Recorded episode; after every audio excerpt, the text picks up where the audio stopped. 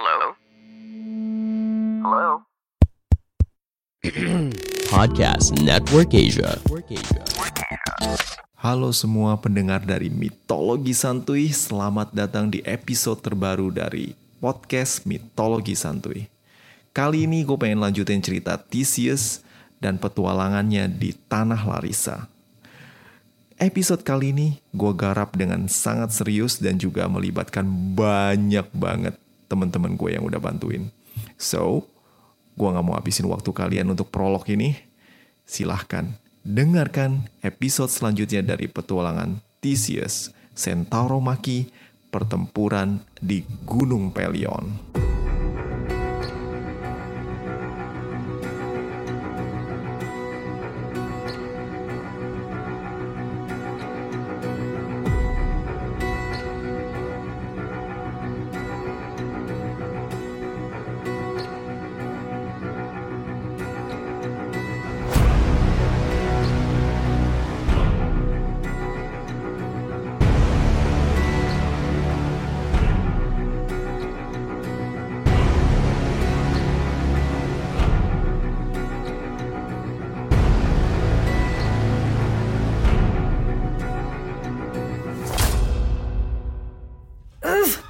Lepasin gue.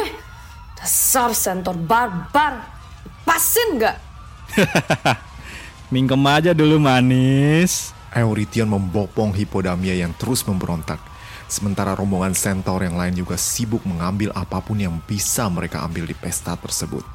Kekacauan ini membuat Theseus, Piritos, dan Caenis serta tamu-tamu undangan dari kaum Lapida kesulitan untuk mengejar sang penjahat. Usaha untuk menyelamatkan Hippodamia yang diculik Eurytion, Theseus mengambil kendi wine yang terletak dekat dengannya, dan dengan sekuat tenaga, Theseus melemparkan kendi tersebut ke arah Eurytion. Kendi tersebut mendarat di bagian belakang kepala. Eurytion yang terkejut dan menjatuhkan Hippodamia. Segera sang pengantin berusaha bangun dan melarikan diri dari penculiknya. Namun Centaur yang lain segera membopongnya dan membawanya pergi.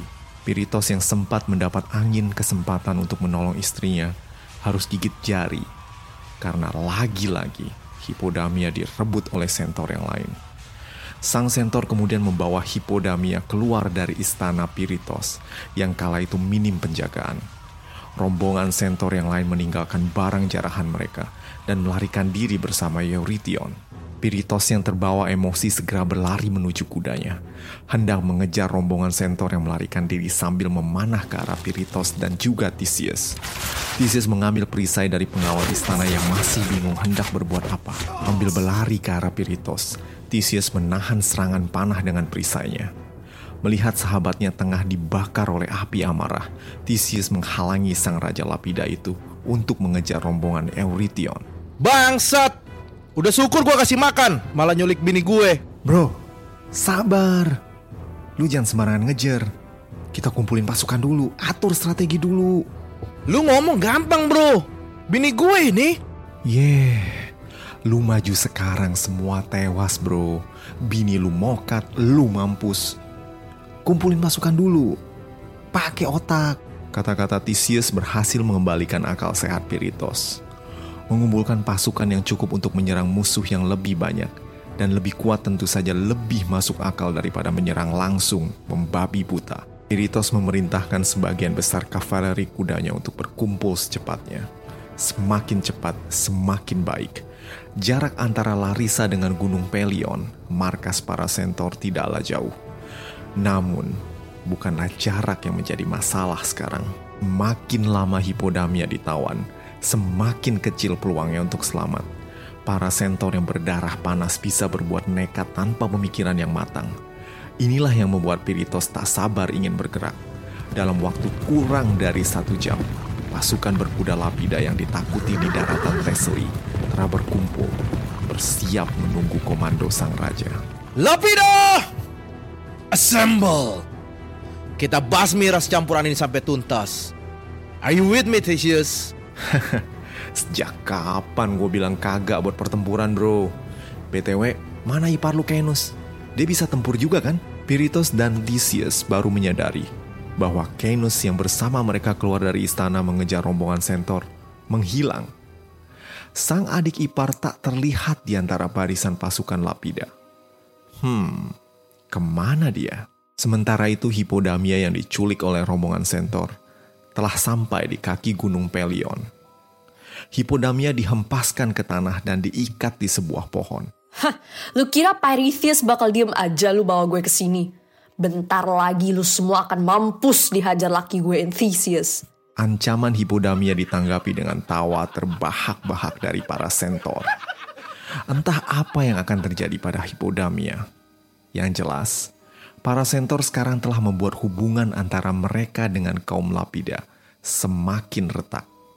Kali ini tak akan mungkin ada perdamaian di antara mereka. Mabuk dan mengacau di pesta mungkin bisa disalahkan kepada alkohol namun menculik dan menyerang tuan rumah adalah perkara yang berbeda. Sebagai tuan rumah, Piritos telah dinistakan dan para dewa pun tidak akan memperkarakan jika dirinya menuntut balasan. Kaum sentor yang telah pulih dari mabuknya itu pun sadar kalau mereka akan menuai badai. Wanita-wanita yang mereka culik dan tentu saja ratu dari kaum Lapida, Hippodamia, adalah barang jarahan yang berharga, namun berbahaya. Namun, apa pun yang mereka telah lakukan telah terjadi, dan mereka yakin, walau Hippodamia dikembalikan, Piritos yang punya sumbu pendek tetap akan menyerang dan menghabisi mereka. Hippodamia lebih berharga untuk dijadikan sandera daripada digunakan untuk menjadi pemuas nafsu.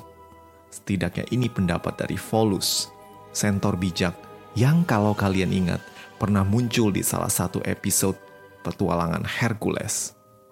Eurytion mendengar nasihat dari Volus dan menawan Hippodamia. Gunung Pelion tempat para sentor tinggal memiliki kaki gunung yang cenderung rata dengan latar pegunungan yang rimbun dan terjal.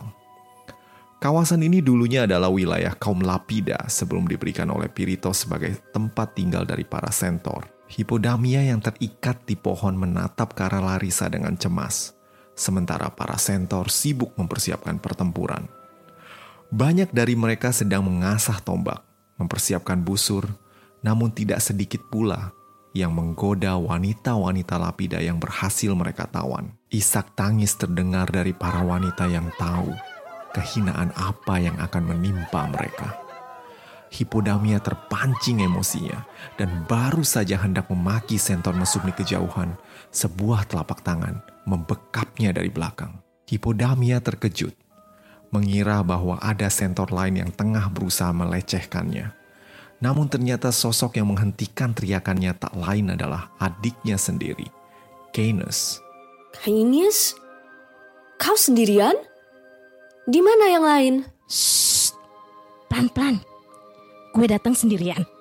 Biar gue lepasin lu dan kita cabut dari sini. Kenus perlahan mengeluarkan belatinya dan berusaha untuk melepaskan tali pengikat Hippodamia. Kainus tidak bisa menunggu Piritos dan Theseus yang tengah menggalang pasukan dan memutuskan untuk beraksi sendiri. Berbekal pengalamannya yang dulu tinggal di Gunung Pelion, Kainus tahu seluk-beluk hutan lebih baik daripada pemilik tanah ini sekarang. Tak terdeteksi oleh para sentor, Kenus berniat menyelamatkan Hippodamia dan kemudian kembali ke Larissa melalui hutan rimba yang pekat. Namun, aksi Kenus ini diketahui oleh Centaur yang baru saja kembali dari patroli. Menyadari adanya bayangan di belakang pohon tempat Hippodamia disekap, sang Centaur melepaskan anak panah yang berhasil dihindari oleh Kenus. Kenus ketahuan. Ah, sial. Kita ketahuan. Bentar, gue urus dulu siluman kuda ini. Kenus bergerak cepat. Sosoknya yang kekar namun gesit berlari menuju sentor yang tengah bersiap untuk meluncurkan satu anak panah lagi ke arah Kenus. Anak panah tersebut melesat. Namun dengan tangan kosong, Kenus menepis panah tersebut. Sang sentor terkejut. Siapa manusia ini? Dia sanggup menepis anak panah dari jarak dekat dan mematikan hanya dengan tangan kosong. Sebelum sang sentor sanggup pulih dari keheranannya, Kenus melompat, mempersempit jarak dengannya dan menghujamkan belati ke pangkal tenggorokan sang sentor. Sang sentor tewas dengan belati menancap teguh. dan darah mengalir tanpa mengizinkannya mengucapkan pesan terakhir. Namun aksi heroik dari Kenus ini telah mengundang perhatian banyak sentor yang lain dan mereka semua maju menyerang Kenus dengan senjata apa pun yang mereka miliki. Kenus menghadapi mereka dengan tangguh. Satu sentor menerjang dengan tombak, namun Kenus dengan mudah menangkap tombaknya dan membanting sang sentor. Sentor-sentor yang lain maju dengan pedang dan tombak dan mengepung Kenus yang bersenjatakan tombak colongan. Kenus dengan gagah menghadapi mereka semua dan berhasil melukai para sentor. Tidak sedikit yang gugur di tangannya. Kenus berdiri kokoh dan bersiap menghadapi apa pun yang akan menyerang mereka. Eurytion yang baru saja pulih keluar dari istirahatnya. Kepalanya dibebat karena luka yang diberikan oleh Theseus sang pemimpin para sentor tak ingin kehilangan muka dan kemudian memerintahkan sentor yang lain untuk maju menyerang. Monikus, sentor yang keahlian panahnya nomor satu, sejak tadi menunggu saat yang tepat untuk melesatkan anak panah, mengirim Kenus menghadap neraka. Seperti sniper yang pandai menyerang dari sudut yang tak terkira. Monikus melesatkan anak panah tajam ke belakang leher Kainus. Namun, saat ujung panah tersebut menyentuh leher Kainus, panah tersebut retak dan hancur. Monikus dan Eurytion terkejut, sementara Kainus hanya menepuk lehernya bagai terkena gigitan nyamuk. Rasa takut mulai menjalar di karangan para sentor. Now you're doomed. You horse humping beast. Go get him, sis. Eh, eh, bro? Damn, gue masih nggak biasa panggil lu bro. Beberapa sentor yang berani maju dengan pedang dan tombak. Kenus yang ingin menimbulkan rasa takut kepada para sentor berdiri diam. Sementara para sentor menghujam, membacok, dan menusuk tubuhnya. Sia-sia. Semua senjata tajam yang menyentuh tubuh Kenis hancur, pecah berantakan. Lu kira gue cuma dijadiin cowok doang sama Poseidon? Senjata tajam kalian gak akan bisa nembus kulit gue. Tak seorang pun kini berani maju menyerang Kenus. Eurytion tampak panik. Orang ini gak mempan dibacok. Dia bisa debus. Mau diapain ini? Di tengah kebingungan para sentor, hanya satu yang terus mengamati Kenus. Monikus yang panahnya gagal melukai Kenus mengamati dengan seksama sejak awal. Tidak ada makhluk hidup yang tak punya kelemahan. Selama dia masih bernafas, pasti dia bisa mati. Eh bentar, nafas. Ah, itu dia. Bagai mendapat pencerahan atau bola bolam di kepalanya tiba-tiba menyala. Monikus pun kemudian berseru. Sialan! Ras kita tak boleh musnah hanya karena seorang bencong. Hajar teman-teman. Kita tiban dia dengan pohon, kayu, batu, atau paja. Biar dia mati terkubur. Dengan komando dari Monikus, para sentor kemudian menyerang Kainus dengan apa pun yang mereka punya. Kayu, batu, gedebok pisang, talenan tetangga, apa pun yang mereka bisa ambil mereka lemparkan ke Kainus. Awalnya Kainus berusaha menghindar, namun terlalu banyak barang yang dilemparkan ke arahnya, dan akhirnya Kainus pun tidak bisa bergerak, tertimbun oleh berbagai barang yang dilemparkan oleh para sentor. No! J- jangan! Jangan! Ampuni dia! Please! Hipodamia berteriak menangisi nasib adiknya yang tengah tertimbun oleh tumpukan puing, kayu, dan berbagai barang lainnya. Kainus yang kebal senjata tidak bisa bergerak, dan timbunan itu pun menghalanginya untuk bernafas. Situasi langsung berbalik arah untuk keuntungan para sentor. Kenus yang tak sanggup lagi untuk bertempur menarik nafasnya yang terakhir.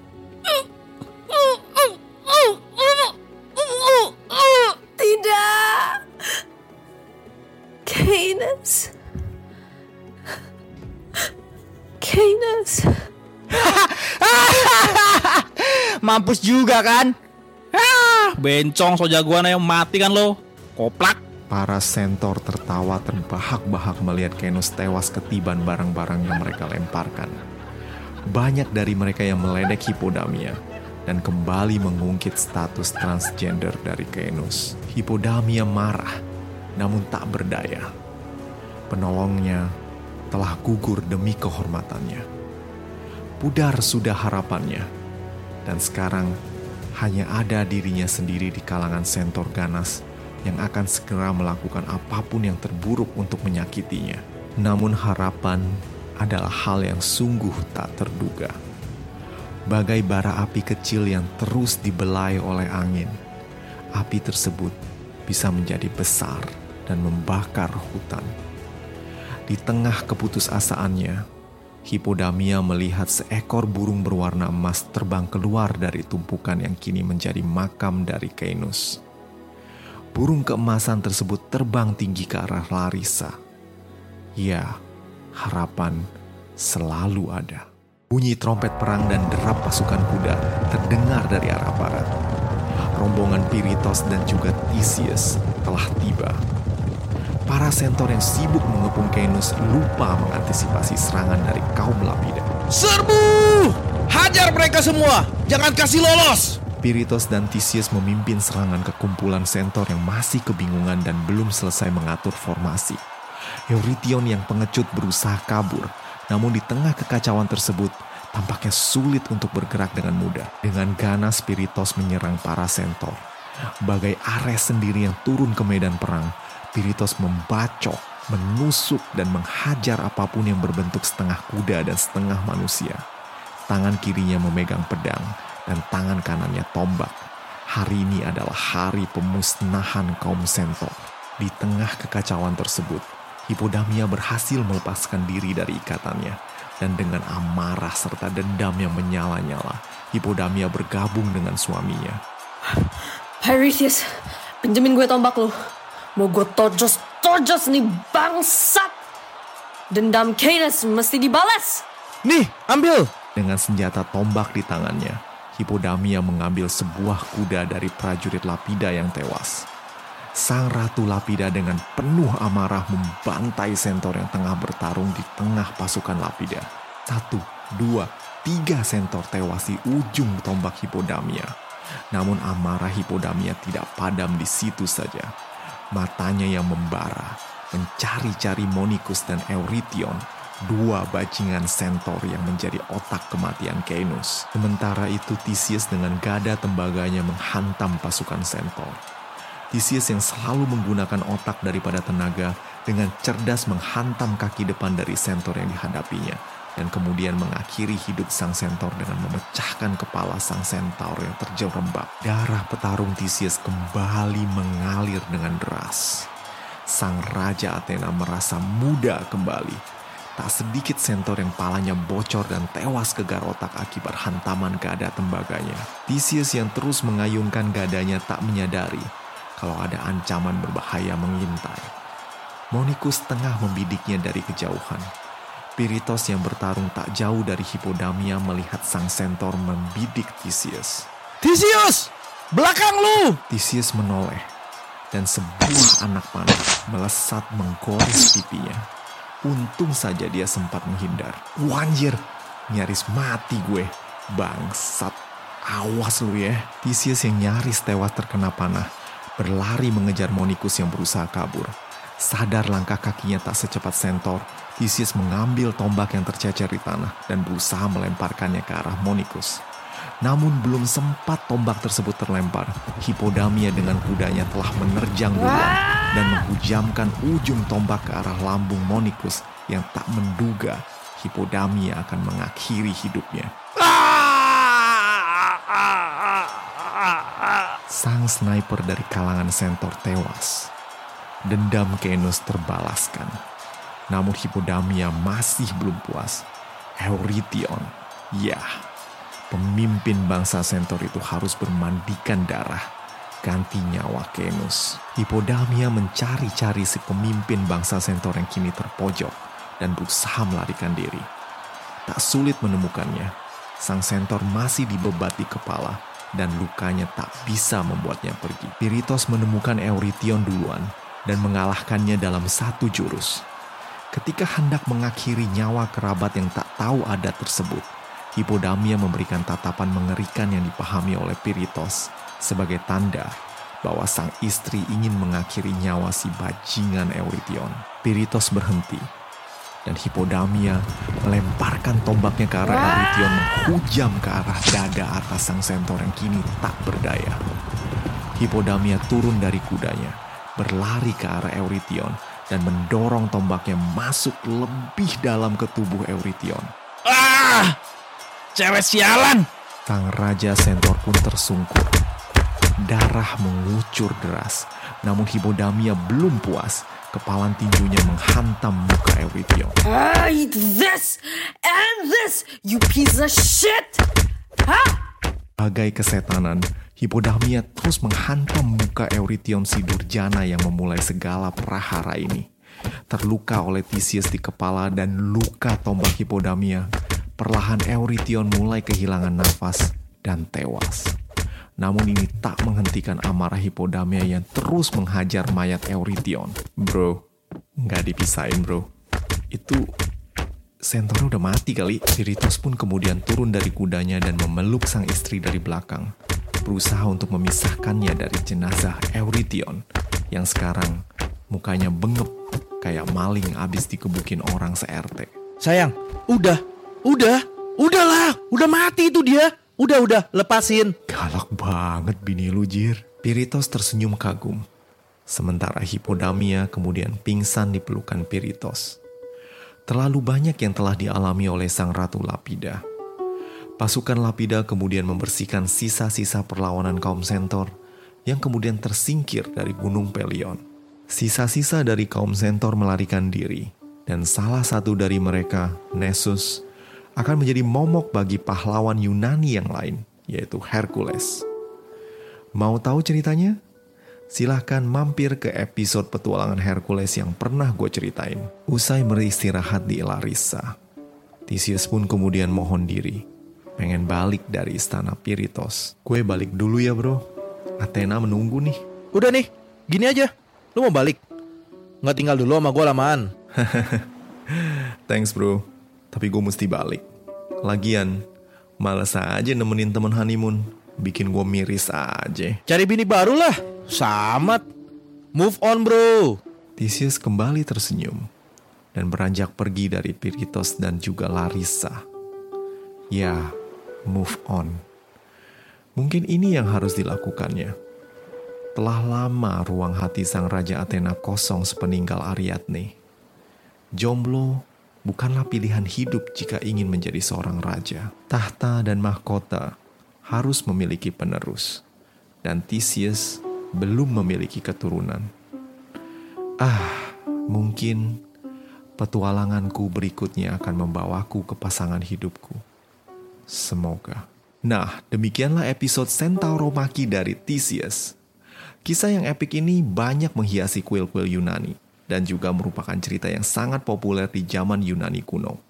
Semoga cerita yang gue bawain ini bisa menghibur kalian semua. Sebelum bubaran, gue pengen ngucapin terima kasih buat temen-temen yang udah bantu isi suara di episode ini. Syah, Henry, Bayu, Tri, dan Wuri. Wah, banyak nih yang kali ini ya bantuin. Terima kasih buat suara keren kalian yang bikin episode kali ini tambah seru. Oh iya, gue juga punya rencana untuk bikin episode question and answer Q&A. Buat kalian yang kepengen nanya-nanya soal mitologi santuy atau mitologi Yunani, feel free to contact me di IG mitologi santuy atau email gue di gurukelana007 at gmail.com. Dan juga buat kalian yang kepengen mendukung podcast mitologi santuy, boleh hubungi gue atau kunjungi gue di laman traktir mitologi santuy. Gue bakal terima kasih banget buat semua dukungan yang kalian berikan. Terima kasih dan sampai jumpa di episode selanjutnya. Ciao.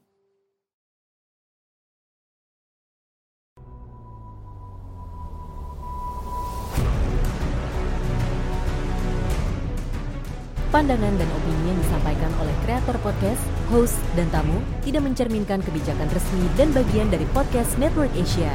Setiap konten yang disampaikan mereka di dalam podcast adalah opini mereka sendiri dan tidak bermaksud untuk merugikan agama, grup etnik, perkumpulan, organisasi, perusahaan, perorangan, atau siapa pun dan apa pun.